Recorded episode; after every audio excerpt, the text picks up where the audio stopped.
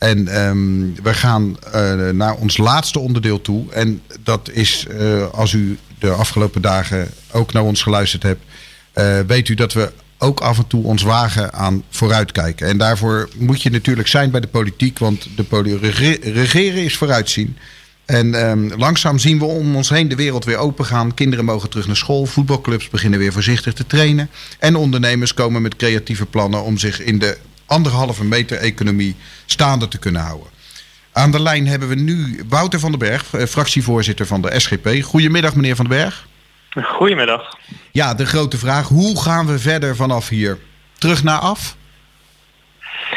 Nou, ik denk zelf dat de samenleving uh, niet meer zal worden zoals die uh, was. Al is het maar omdat we nog heel lang uh, toch rekening zullen moeten houden met een bepaalde afstand die gewoon ja, heel fundamenteel is voor van alles wat we ondernemen.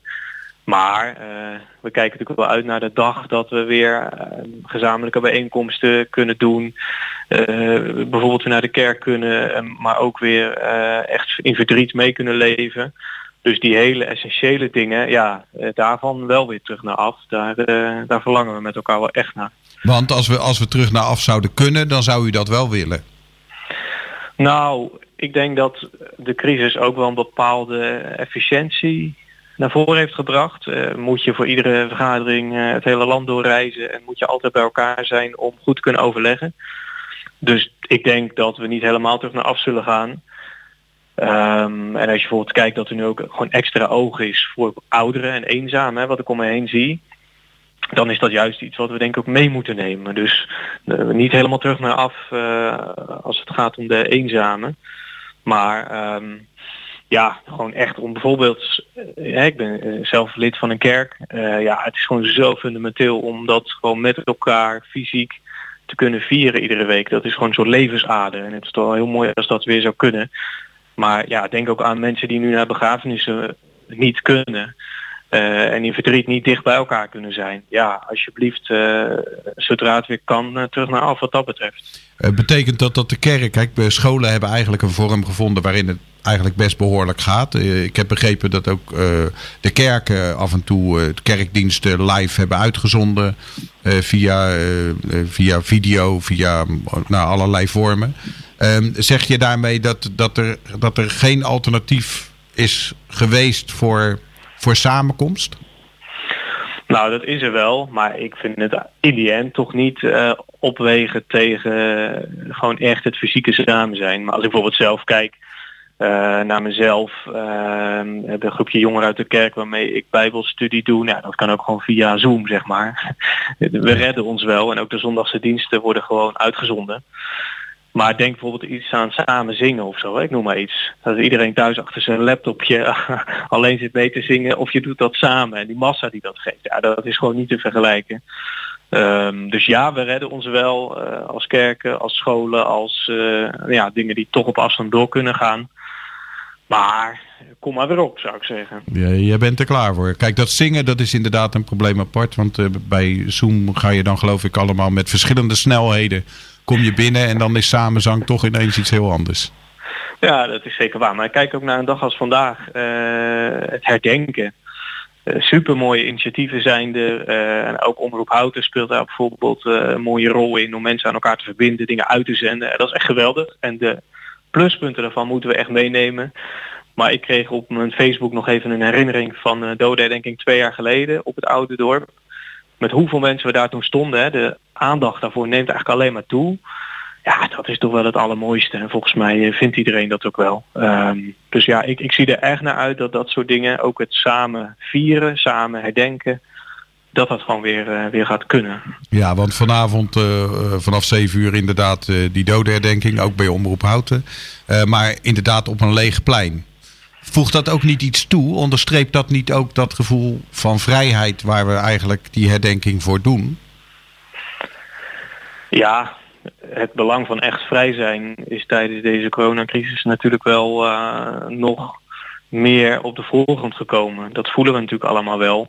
Dus daarom vind ik het wel mooi dat dingen ook wel doorgaan. Zodat we aan de ene kant wel aandacht kunnen geven aan wat aandacht nodig heeft. Maar aan de andere kant ook de beperkingen gewoon erkennen en ervaren. Dat onderstreept alweer hoe belangrijk het is als het wel weer kan.